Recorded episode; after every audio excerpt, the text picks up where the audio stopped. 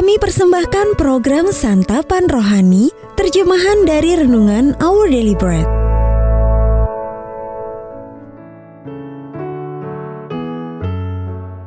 Sahabat ODB, pembacaan Alkitab hari ini terambil dari Ayub pasal yang kelima ayat yang ke-17 sampai dengan ayat yang ke-27. Ayub pasal yang kelima ayat yang ke-17 sampai dengan ayat yang ke-27. Sesungguhnya berbahagialah manusia yang ditegur Allah. Sebab itu janganlah engkau menolak didikan yang maha kuasa. Karena dialah yang melukai tetapi juga yang membebat.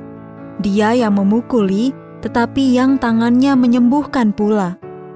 Dari enam macam kesesakan, engkau diluputkannya, dan dalam tujuh macam engkau tidak kena malapetaka. Pada masa kelaparan engkau dibebaskannya dari maut, dan pada masa perang dari kuasa pedang. Dari cemeti lidah engkau terlindung, dan engkau tidak usah takut bila kemusnahan datang. Kemusnahan dan kelaparan akan kau tertawakan, dan binatang liar tidak akan kau takuti, karena antara engkau dan batu-batu di padang akan ada perjanjian dan binatang liar akan berdamai dengan engkau.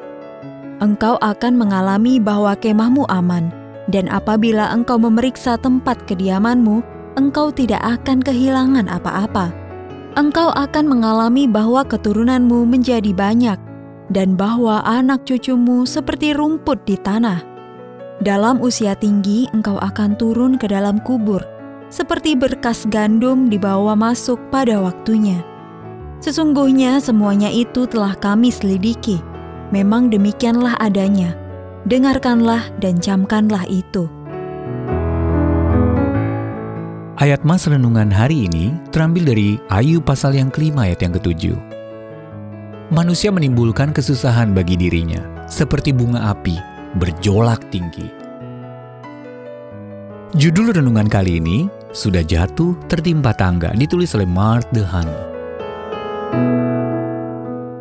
Sahabat ODB pada zaman keemasan radio, Fred Allen menggunakan lawakan bernada pesimis untuk menghibur generasi yang hidup di era depresi ekonomi dan dunia yang dilanda perang. Selera humornya lahir dari penderitaan pribadi yang dialaminya. Setelah kehilangan ibunya sebelum ia berusia tiga tahun, ia pun hidup jauh dari ayahnya yang kecanduan. Suatu kali Fred pernah menyelamatkan nyawa seorang anak laki-laki di tengah lalu lintas kota New York yang ramai. Ia menegur anak itu dengan caranya yang khas. Apa yang salah dengan Muna? Apakah kamu tidak mau tumbuh besar dan punya banyak masalah? Hidup Ayub juga menampilkan kenyataan pahit. Ketika ungkapan imannya yang teguh mulai memudar dan digantikan oleh keputusasaan, para sahabat Ayub justru melipat gandakan kepedihannya dengan cara menyalahkannya.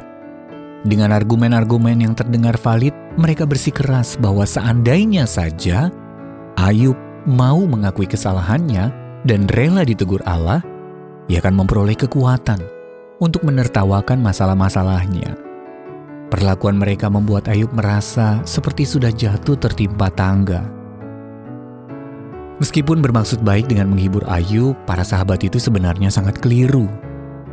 Tentu tidak terbayangkan oleh mereka bahwa kelak mereka akan dijadikan contoh sahabat-sahabat yang buruk.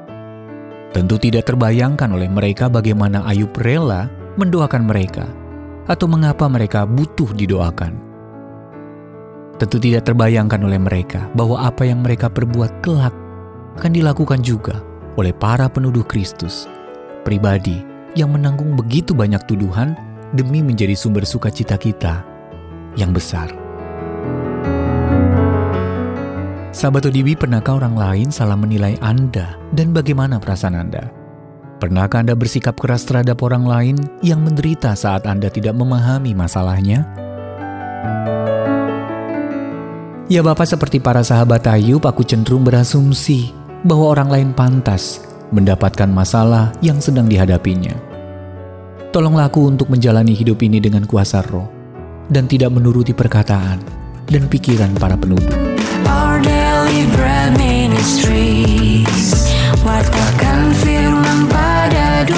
Apakah mendapatkan buku renungan ini dalam bahasa Indonesia, Inggris, atau Mandarin, atau Anda rindu mendukung pelayanan ini, hubungi Our Deliberate Ministries di 021 2902 8950, WhatsApp 0878 7878 9978, email indonesia@odb.org.